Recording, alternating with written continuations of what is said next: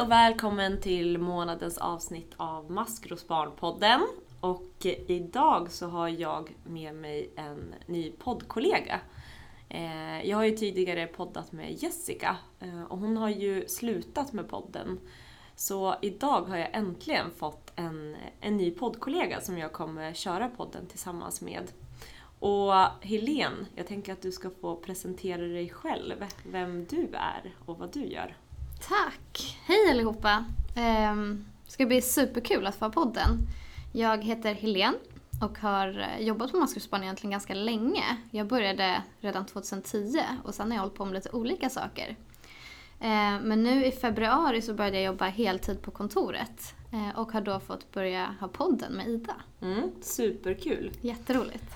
Eh, och det här är ju nytt för oss båda, att du ska börja podda. Ja. Så det, det gick väldigt snabbt och så var det bestämt. Ja. Så jag är jättepeppad på det. Eh, och vi kommer ju prata lite om det idag, hur podden kommer se ut framöver Mm. och lite sånt. Men eh, vi, vi kastar in det i ett första avsnitt tänker jag. Ja, kul.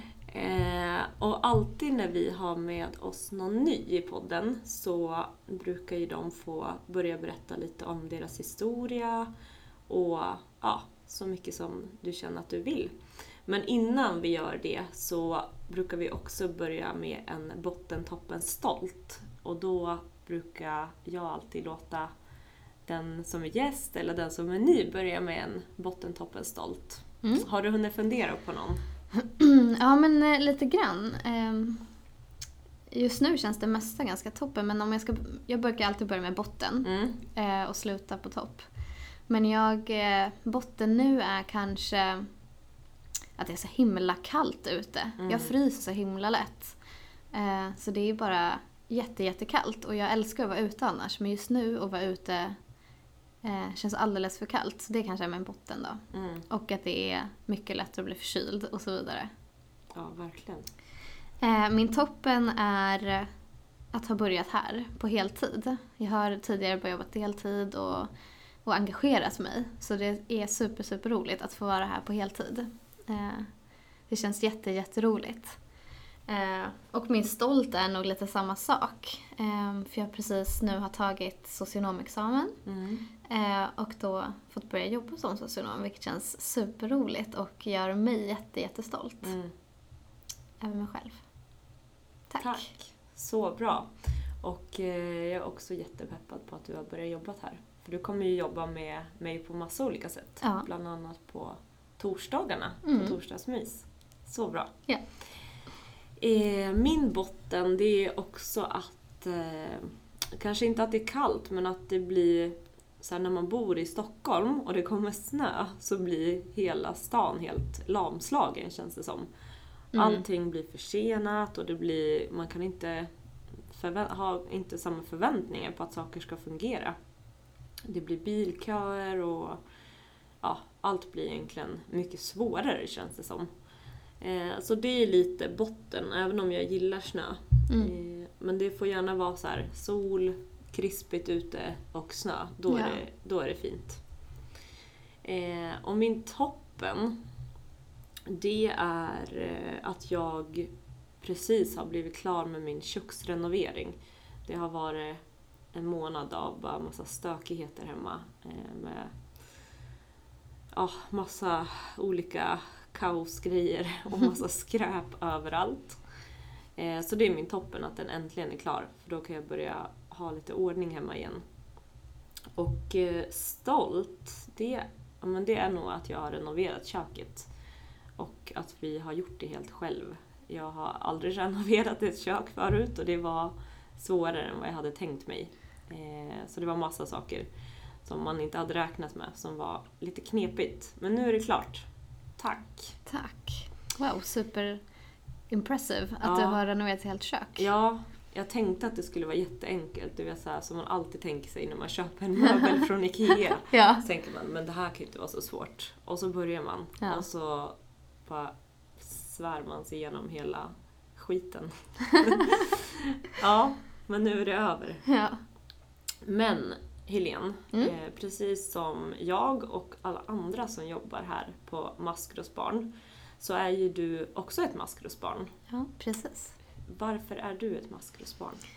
Jo, men eh, jag är ett maskrosbarn för att jag växte upp eh, med min mamma som har eh, psykisk ohälsa och alkoholism. Mm. Och det brukar jag säga är anledningen till att jag är ett maskrosbarn.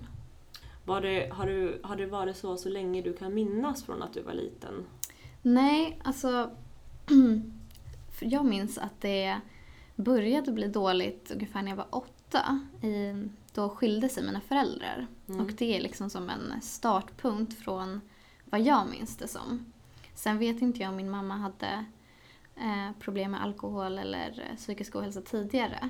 Eh, det var inget som jag märkte av. Utan Mm. från och med att de skilde sig så kände jag av att, att hon inte mådde bra. Och hur skulle du säga att det märktes på henne? Ehm, Min mamma mådde ganska dåligt av den här skilsmässan. Den var ganska konfliktfylld. Mm. Ehm, vilket jag och min lilla syster också märkte av väldigt mycket. Eh, så hon mådde väldigt dåligt och var väldigt ledsen. Och till slut började hon då dricka. Eh, och vad jag antar som är kanske för att döva någonting annat. Jag vet, Mm. kan inte såklart veta. Men hon eh, mådde jättedåligt och orkade inte göra saker, orkade inte ta hand om hemmet. Eh, och var jätteledsen väldigt ofta. Mm. Eh, och började dricka mer och mer. Mm. Och, eh, och innan den här skilsmässan så var det liksom inget som... Då hade du inte upplevt det innan det? Nej, precis. Nej. Ehm, men eh, det kändes inte konstigt för jag tänkte att det var ganska normalt att vara Mm. ledsen när ett uppbrott sker i Mm. en familj. Precis. För jag var ju också ledsen och min pappa var ledsen och min lilla syster var ledsen så det var inget konstigt att vara ledsen. Det var Nej. bara det att min mammas ledsenhet fortsatte och blev värre. Eh, och var kanske inte bara ledsenhet utan det var snarare någonting mer. Mm. Eh, bodde du med, med båda dina föräldrar under den här Mm. skilsmässan? Ja, jag bodde med båda. Mm. Eh, har växt upp med båda mina föräldrar på olika håll. Mm. Ehm, ja. Och din pappa, vart, eh, vart var han i det här? Visste han hur det var då hemma hos mamma? Nej, så min mamma har inte... Vad jag vet så har hon ingen diagnos. Mm. Ehm, och jag visste liksom inte riktigt exakt vad det var för fel. Men jag visste att min mamma inte ville leva. Mm. Eh, för det sa hon, att så här, utan Okej, till, till er? till mig. Mm, till eh, jag satt uppe med henne många kvällar och Mm. lyssnade på hennes problem och känslor. Så hon sa till mig att hon inte hade levt utan mig och min syster. Ehm, och på något sätt måste jag ju ha förstått att så här, om, om mamma dricker och om hon är så här och om jag har, tar så mycket ansvar som jag gjorde när jag var liten så hade jag säkert inte fått bott hos henne. Nej, Och då tänkte jag att då kommer inte mamma leva längre för då kommer hon dö. just det. Så jag berättade inte för någon och inte min pappa heller och jag blev en expert på att dölja Okej. allt som hände. Och det, så det var liksom aldrig någon som märkte hur det var hemma hos mamma? Det var folk som visste att hon drack mycket. Mm. Eh, Men jag tror ingen hade insyn i exakt vad som hände hemma hos oss. Just det. Och du hade ju en, en syster också. Mm. Eh, hur många år skiljer det mellan er? Hon är två år yngre än mig. Ja. Hade ni varandra i det här eller var det mer att din mamma sa det här till dig? Eh, Det som hände var nog att så här, vi bytte lite roller i familjen Mm. när den här skilsmässan skedde. Så jag, eftersom jag är äldst förmodligen, Mm. tog eh, jättemycket ansvar och började sköta om hemmet. Och, så jag eh, såg helt enkelt alltid till att min lilla syster eh, borstade tänderna, gjorde sina läxor och kom i säng och sådär. Mm. Och sen så klädde jag på mig själv en pyjamas och sen gick jag ner till min mamma igen och oftast hade hon däckat i soffan. Just det. Och då så satt jag ofta och lyssnade på min mamma ehm, prata om Mm. allt som var jobbigt. Eller så satt jag och kollade hennes puls för att se att hon levde. Okej. Hur gammal var du, var du då? Ehm, jättesvårt att säga. Mm. Eh, Jag tycker alltid att åren blandas ihop lite men eh, jag vet att det var från och med att jag var åtta till att jag blev tonåring. Okej. Mm, så det fortsatte egentligen under Mm, hela tiden? precis. Mm. Så jag tror att min lilla syster har en helt annan bild av uppväxten än vad jag har. Mm. Vad, vad tror du hon har för bild? Jag tror att hon hade en helt annan relation till min mamma än vad jag har haft. Eh, Så det har nog sett lite olika ut. Mm.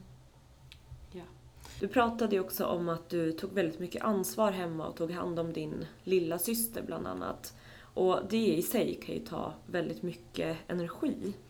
Så hur gick det för dig i skolan under den här tiden? Um, skolan gick ganska bra. En av mina konsekvenser, jag vet att när jag Mm. pratade lite om det tidigare, att på Mm. Maskrosbarn så säger vi ju att man får konsekvenser av sin hemmiljö och sin uppväxt. Precis, för, för det du beskriver också att, så att ta hand om hemmet och ta hand om sin mamma, det gör ju också att man blir trött och får, alltså Mm. får det jobbigt på så sätt. Ja, precis. Ehm, men jag blev ganska högpresterande. Jag ville göra bra ifrån mig och Mm. såg mitt värde i att jag gjorde bra ifrån mig eller att det fanns någon nytta i andra. Att jag var en, en nytta för andra. Just Det blev mitt värde liksom. Så att det var jätteviktigt för mig att det gick bra i skolan. Mm. Sen tyckte jag oftast att skolan var ganska rolig. Där fanns kompisar eh, och sådär. Och det var ju inte alls lika... Jag behövde kanske inte ta lika mycket ansvar över andra människor i skolan. Mm. Som hemma. Som hemma, Mm. precis. Ehm, så fram tills jag blev tonåring gick skolan ganska bra. Men sen när man blir tonåring så dyker ju andra saker upp också. Mm. Och då blev det ganska tufft. För att jag började känna att jag själv mådde dåligt Just av det. allt som hade varit. Ehm, jag kunde inte sätta ord på eller förstå exakt varför. Men jag kände att det blev jobbigt och i och med det så blev, det, blev jag tröttare och det blev tyngre i skolan. Det blir Men svårare. precis, Mm. men jag fixade alltid skolan. Jag hade alltid bra betyg. Mm. Ehm, ja, Och det kan man ju också säga är en klassisk konsekvens ju. Att precis. man blir högpresterande till exempel, Mm. som du blev. Mm. Mm. Men när var första gången som du liksom verkligen insåg att man inte ska behöva ha det så som du hade hemma? Mm. Jag tror att eh, när jag blev omkring 14-15 kanske så yttrade jag det första gången för mina kompisar. Mm. Men innan dess hade jag nog varit i någon slags överlevnadsmode och bara kört på för att alla skulle klara sig. Så att hemmet skulle klara sig, så att mamma skulle leva och min lilla syster också skulle klara sig. Och så inte berättat för någon och bara kört på utan egentligen reflektera så mycket över vad det var som, om det var fel eller inte. Men någonstans där bör- började jag väl inse att så här mycket dricker inte en vanlig förälder. Eh, och såg kompisars föräldrar bete sig annorlunda än vad min mamma gjorde. Mm. Sådär. Var det någon kompis till dig som visste hur det var hemma hos dig? Nej, de visste inte riktigt exakt. Jag tog oftast inte hem kompisar eh, när det var som värst till exempel. Eh, jag tror också att min mamma skärpte till sig lite om jag hade kompisar över och det var bara mina närmsta, absolut närmsta kompisar som kom hem till mig. Mm. Ehm, och jag berättade inte allt för dem, jag berättade lite grann bara då första gången jag var 15. Mm. Och de var ju också bara 15. Mm. Men fick du någon, någon hjälp, tänker jag, eh, med det här? Eh, av skolan eller någon när du blev äldre? I allt det här? Nej, jag berättade aldrig för någon i skolan och jag var ett så här klassiskt eh, tapetblomma som man kallar det. Eh, jag smälte in väldigt mycket i allt jag gjorde. Eh, jag hade eh, mina bästisar var väldigt extroverta och utåt och syntes och gjorde saker. Så jag syntes de som mycket. tog platsen liksom? Precis, Mm. de tog mycket plats och jag kunde smälta in i deras grej utan att egentligen synas mest. Var det medvetet, tror du? Ja, lite tror jag. Det är Mm. ett mönster jag sett i hela, min, hela mitt liv. Att Mm. jag dras till sådana människor och omger mig mycket med Mm. extroverter och andra som tar plats. Och, Mm. Det kan och så jag också vidare. känna igen mig i faktiskt. ja. Mm. eh, så jag syntes inte supermycket i skolan. ehm, och jag berättade ju inte för någon. Och sen, när jag berätt, den första vuxna jag berättade var faktiskt när jag var 16 i gymnasiet. Mm. Men det var inte den bästa, bästa vuxna att berätta för, så det hände liksom ingenting. Okej, men hur tog den emot det då? Ehm, det var en, eh, en lärare till mig på gymnasiet som jag berättade det för. Eh, som tog emot det bra, men mer på ett sätt som en kompis kanske tar emot det. Så läraren tog det aldrig vidare och det här utvecklades till en vänskapsrelation. En väldigt dysfunktionell vänskapsrelation som vi Mm. hade sen i kanske två år Mm. utanför skolan. Eh, han var bara lärare ett kort tag, eh, men det gjorde nog att jag kanske inte heller fortsatte berätta. Och att det inte hände något, något mer konkret med det. Precis. Så jag tog egentligen inte tag i, i någonting förrän jag själv blev 18 och vuxen och började kunna bestämma själv. Mm. Men förutom då att du nu var myndig och kunde bestämma helt själv, vad blev den största skillnaden för dig? Nej, inte just det. Jag eh, tyckte att det var jättesvårt att flytta ifrån min mamma. Mm. Eh, för någonstans älskar jag min mamma jättemycket. Eh, jag tyckte att det var jättesvårt att balansera att jag vill eh, ha en relation med henne och jag vill att hon ska vara min mamma men att det inte fungerade just då. Eh, att jag behövde göra någonting för min egen skull för att jag skulle hålla ihop. Eh, så det var inte ett självklart val. Jag hade inte väntat på just det men jag hade nog massa förväntningar på att fylla 18 Mm. och tänkte att när jag är 18 då får jag egna pengar, jag får bestämma själv och massa sådana saker. Mm. Så det hade jag nog.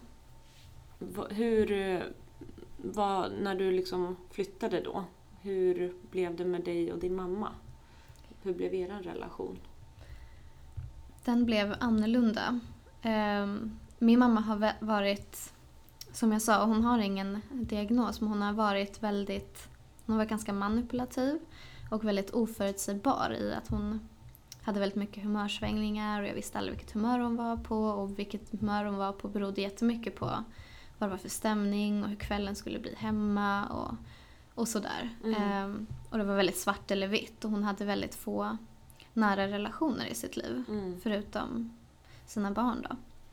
Ehm, så när jag flyttade så eh, blev det svårt men hon, eftersom vi hade lite ombytta roller så var jag lite mammig gentemot henne snarare än tvärtom. Ehm, och det gick ganska bra. Vi sågs eh, på mina villkor vilket funkade bra. Ehm, men hon pratade väldigt mycket till min syster om mig. Så Okej. lite bakom min rygg om att jag hade övergett henne och Så hon la skuld, jag var elak. skuld på dig? hon la väldigt Mm. mycket skuld på att jag lämnade henne tyckte Mm. hon helt enkelt. Precis. Mm. Var det någonting som du och din syster pratade om? Ja, vi gjorde det lite grann. Mm. Men eftersom jag också hade tagit på mig rollen som mamma i familjen så var jag Mm. väldigt överbeskyddande mot min syster. Ehm, så jag tog liksom emot det hon sa och lyssnade men eh, försökte nog inte prata så mycket med henne om vad jag kände och tyckte om det hela för jag inte ville belasta henne med någonting. Mm. Vilket Hon bodde kvar då hemma med din mamma? Hon bodde kvar med min mamma Mm. ett tag innan hon också valde att flytta därifrån. Mm.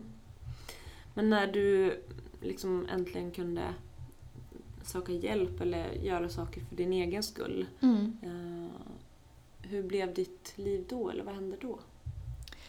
Ehm, först eh, kraschade jag lite faktiskt. Det blev inte bra på en gång. Ehm, utan när jag fick tid att ge till mig själv istället för att ge all min tid till andra människor så mm, var det som att all energi rann ur mig nästan. Som, eller som att allt bara sköljdes över på något sätt. Ehm, och jag hade eh, typ gått in i väggen en gång i gymnasiet redan. Eh, då, då jag hade mått så dåligt att jag inte orkade gå upp ur sängen och jag skolkade jättemycket och sådär. och- Men klarade ändå av att göra skolan hemifrån. Mm. Eh, så när jag tog, eh, gym, alltså gick ut gymnasiet, tog studenten så kraschade jag igen och gick in i väggen och blev sjukskriven på riktigt. Så jag började liksom mitt vuxenliv eller vad det kallas ehm, med att vara sjukskriven. Eh, men då fick jag ju också tid till att på riktigt söka hjälp och gå till, eh, gå till läkare och psykolog och sådär och fokusera på mig själv. Så till sist kunde jag liksom börja bygga upp mig själv och göra det jag ville. Mm. Förstod du på en gång då att, att det hade med det att göra? Eller visste du liksom varför du mådde dåligt? Ja, då hade jag nog börjat förstå eh, att det var mycket Mm. som hade varit tidigare. Att det var mycket gammalt som kanske låg kvar eller saker jag inte hade tagit itu med. Och att det hade varit jobbigt helt enkelt. Mm. Att jag behövde nu börja fokusera på mig själv. Precis.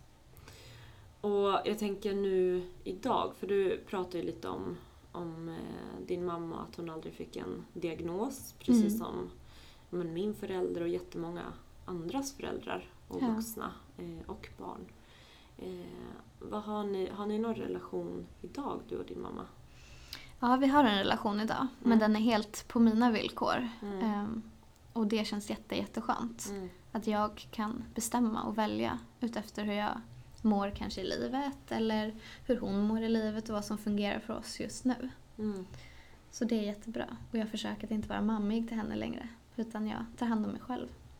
Hur har du kommit till hit du är idag?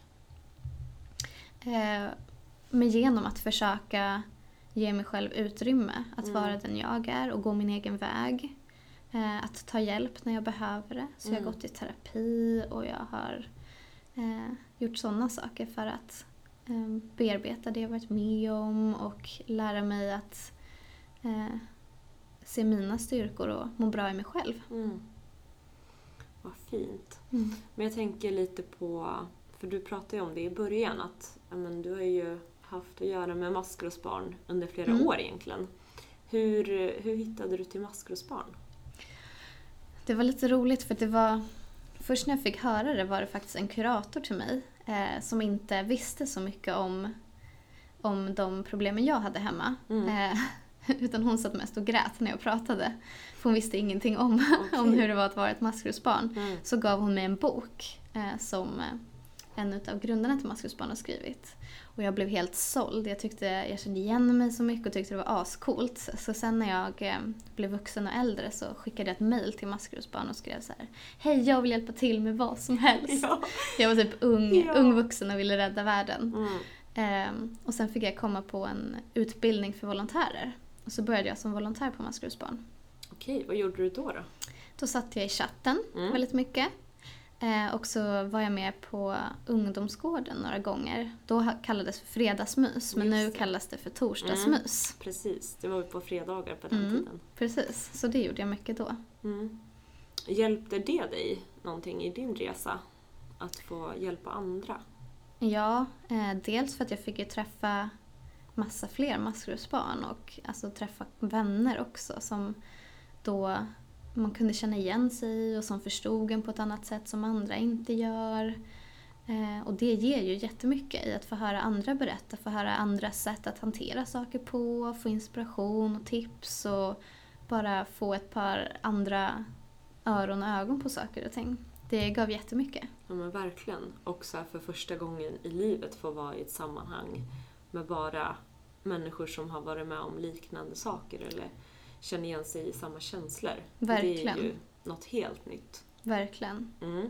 Superfint.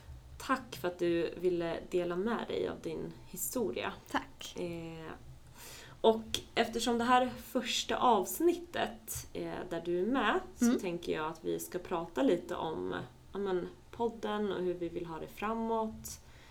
Eh, och jag tänker också att ni som lyssnar ska få möjlighet att tycka till lite. Men vi kommer tillbaks till det strax. Ja. Eh, men nu känns det som att, eller så här, nu under hösten och ja, men, nu i år så känns det som att men nu har ju vi pratat om allt, vad kan man ens prata om? Ja. Vad finns det för ämnen att prata om? Eh, sen har ju inte jag eller du varit med på alla ämnen. Eh, så det känns Nej. verkligen som att vissa saker kanske man upprepar, eh, Ja. vilket inte behöver vara dumt alla gånger.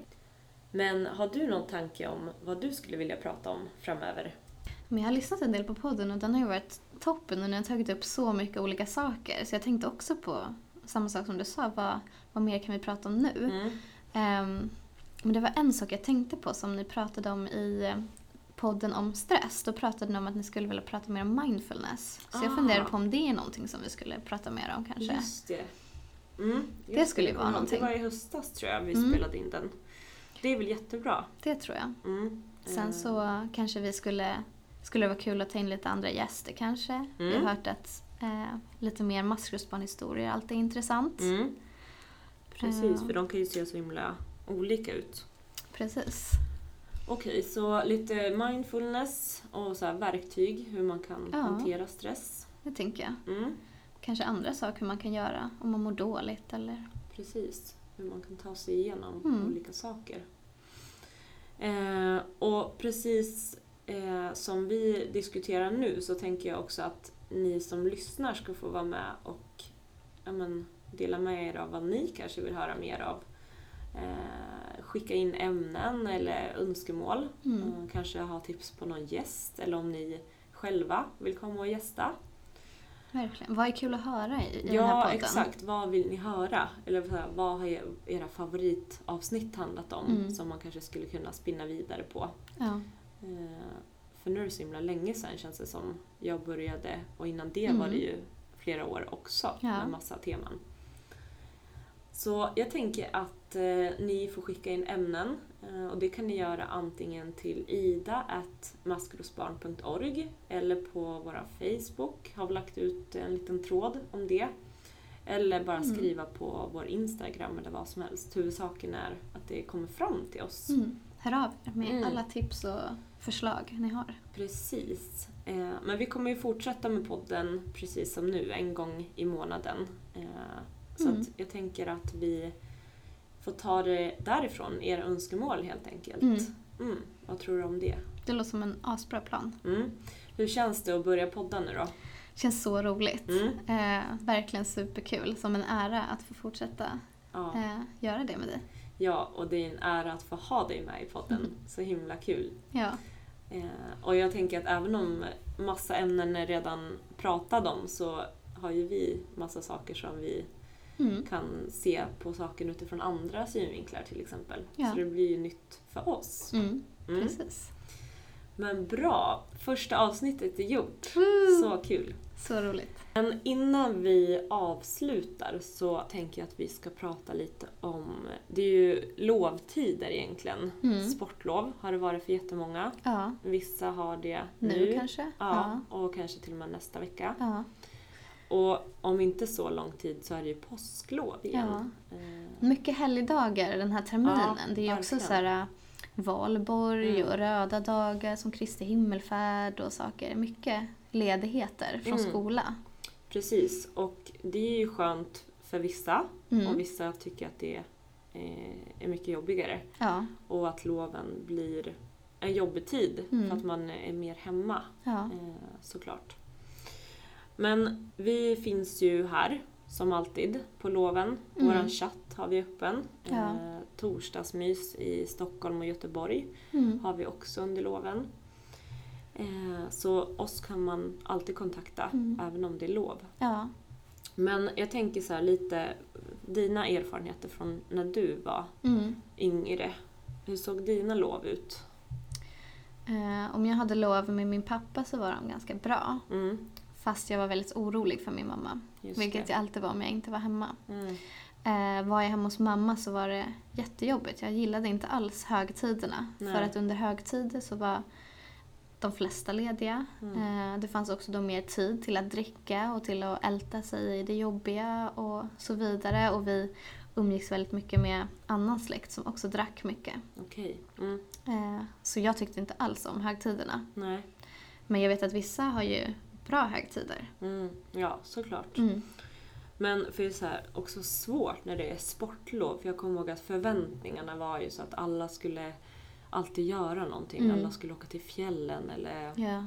Det var liksom alltid så här innan lovet började så pratade man alltid ja, vad ska du göra på lovet? Mm. Och sen när lovet var över så var det vad, du har gjort, vad har du Ja, gjort precis. hela lovet? Och så skulle man så här, på något sätt redovisa Ja, det känns I det klassen som. nästan Mm. också inför, inför alla. Precis. Och så här, sportlovet är ju lite svårt för att ja, men, det är ju många som åker till fjällen eller kanske hittar på saker. Mm.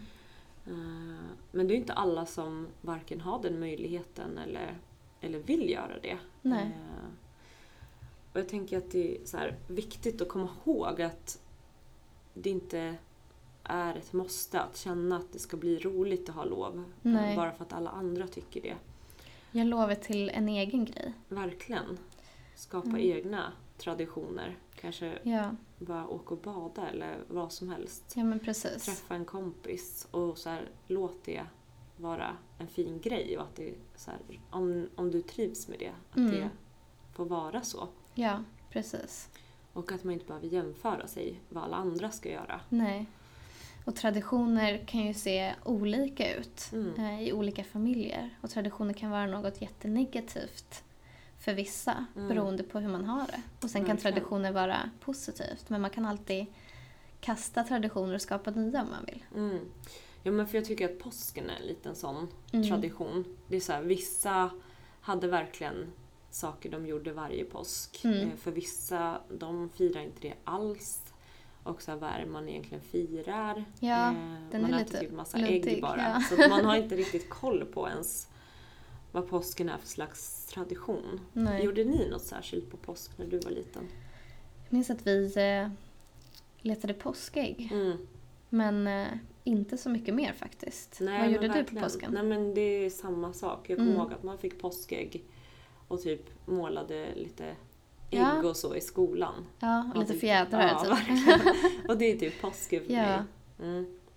Men inte så här. Jag minns vissa kompisar hade så här påskmiddagar och Ja, och luncher. Ja, Och, verkligen. Med hela släkten. Och, Ja. Nej, det har jag aldrig haft faktiskt. Så det är en, en liten konstig högtid. ja. Eh, även om den kan vara mysig, som, alltså att jag tycker det nu när jag är vuxen, Mm. eh, så vet jag inte om den tillförde så mycket Nej. när jag var liten. Och så just att både sportlovet och påsklovet är så nära inpå också. ja, precis. Mm. Har du något annat tips då som man kan göra om man inte gillar sportlovet som nu är och kommer? Eller påsklovet som snart kommer? Vad kan man göra då? då? Ja, alltså jag minns att, kanske inte när jag var liten, men när jag blev äldre, alltså upp mot 17 och uppåt så, för då hade mina föräldrar skilt sig och vi hade inte, ja men vi gjorde liksom inget speciellt så, familjen. Mm. Men jag kommer ihåg att jag alltid så här, hakade på mina kompisars familjer. Så Mm. typ alltid när de skulle ha familjemiddagar med släkten så följde jag alltid med och det var aldrig något konstigt utan jag blev typ som en självklar del av det. Gud vad bra. Ja, och att jag visste att jag kunde tycka att det kändes lite konstigt att komma och så här våldsgästa deras traditioner. Ja. Men jag tillät mig att göra det och så här tänkte att men, de uppskattar mig och vill att jag ska vara med och Mm. att jag blev inbjuden. Så att jag liksom la dem, den värderingen åt sidan och bara tillät mig att, att få vara med en annans familj även om det inte var min egna.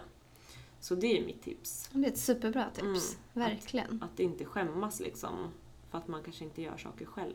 Nej. Mm. Och låta något? sig bli inbjuden, Verkligen. tänker jag. Att det är helt okej. Mm. Precis. Har du något tips? Ja, men jag tycker eh, det var ett jättebra tips. Alltså, var med kompisar. Gör det som känns bra. Vill du ligga inne och slappa hela lovet, gör det. Mm. Vill du hänga med kompisar hela lovet, gör det. Mm. Ehm, och om det är alldeles för jobbigt hemma, våga berätta för någon du litar på. Eh, för det ska inte behöva vara så Verkligen. hemma. Nej. Så att även om skolorna stänger så finns det ju andra vuxna Precis. eh, som man kan prata med. Det kanske går att höra av sig till en lärare Mm. på lovet. Eller Verkligen. skriv till oss i chatten. Eller prata med en kompis förälder. Eller Mm. vem som helst. Verkligen. Och någonting som jag brukar påminna om men, på alla högtider och lov Mm. egentligen är att så här, inte jämföra sig med Ja. andra på sociala medier. Verkligen. För att livet är inte så fint och perfekt som det kanske alltid ser ut för Verkligen. alla andra. Superbra. Mm. Bra poäng. Hörni, tack så jättemycket för idag. Superstort tack. Tack Kilian för att du vill köra podden och har varit med första avsnittet nu. Det kommer bli skitbra. Asbra. Mm. Så pepp. Ja, så hörs vi om en månad igen. Ja, det gör vi. Ja, Okej. hej då! Hej då! Kan klättra så högt som du vill. Det är ditt liv, ingen annan säger till. Sikta mot toppen, dit du vill nå. Fortsätt att kämpa, du vet att det går. Du kan klättra så högt som du vill. Det är ditt liv, ingen annan säger till. Sikta mot toppen, dit du vill nå. Fortsätt att kämpa, du vet att det går. Det finns mycket skit som händer hela tiden. Men vi är skapta för att överleva livet. En svår uppväxt med rädsla och hat. Men vi var för små för att kunna slå tillbaks. Gått igenom smärta och tårar dag för dag. Men vi lever än idag för vi är Maslows barn Vi kämpar för att kunna ta oss vidare. Vi är starka, tillsammans är vi krigare.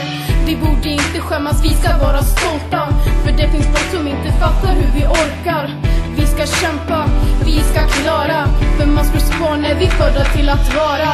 Ett maskrosbarn slutar aldrig kämpa. De försöker fast de kan få vänta.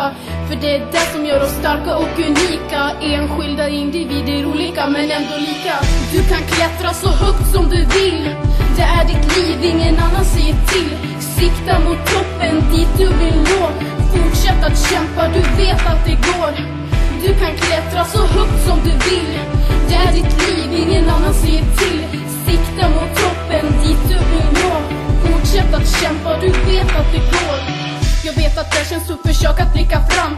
Finns ju för att kunna ta hand om varann. Känner liknande känslor om hur kärlek blev hat. När dagarna blev tunga bestod av skrik och prat om det är en tröst har vi gått i samma spår. Även som det känns som ingen annan förstår Måste vrida in och ut på det som är ditt liv. Tänka efter vad du vill så du i hjärtat känner frid. Skapa dig en framtid, du är värd att må bra. Kolla på Therese och vad hon blivit idag. Hon har varit som du, legat i botten på ett hav. Men kämpade sig upp och skapade maskrosbad Hennes ord är så sanna, precis som hon sa. Även om man mått väldigt dåligt kan man må väldigt bra vi vet att du klarar, vi vet att du kan. Det är aldrig för sent, bara greppa någons hand Du kan klättra så högt som du vill. Det är ditt liv, ingen annan säger till. Sikta mot toppen, dit du vill nå. Fortsätt att kämpa, du vet att det går. Du kan klättra så högt som du vill. Det är ditt liv, ingen annan säger till. Sikta mot toppen, dit du vill nå. Fortsätt att kämpa, du vet att det går.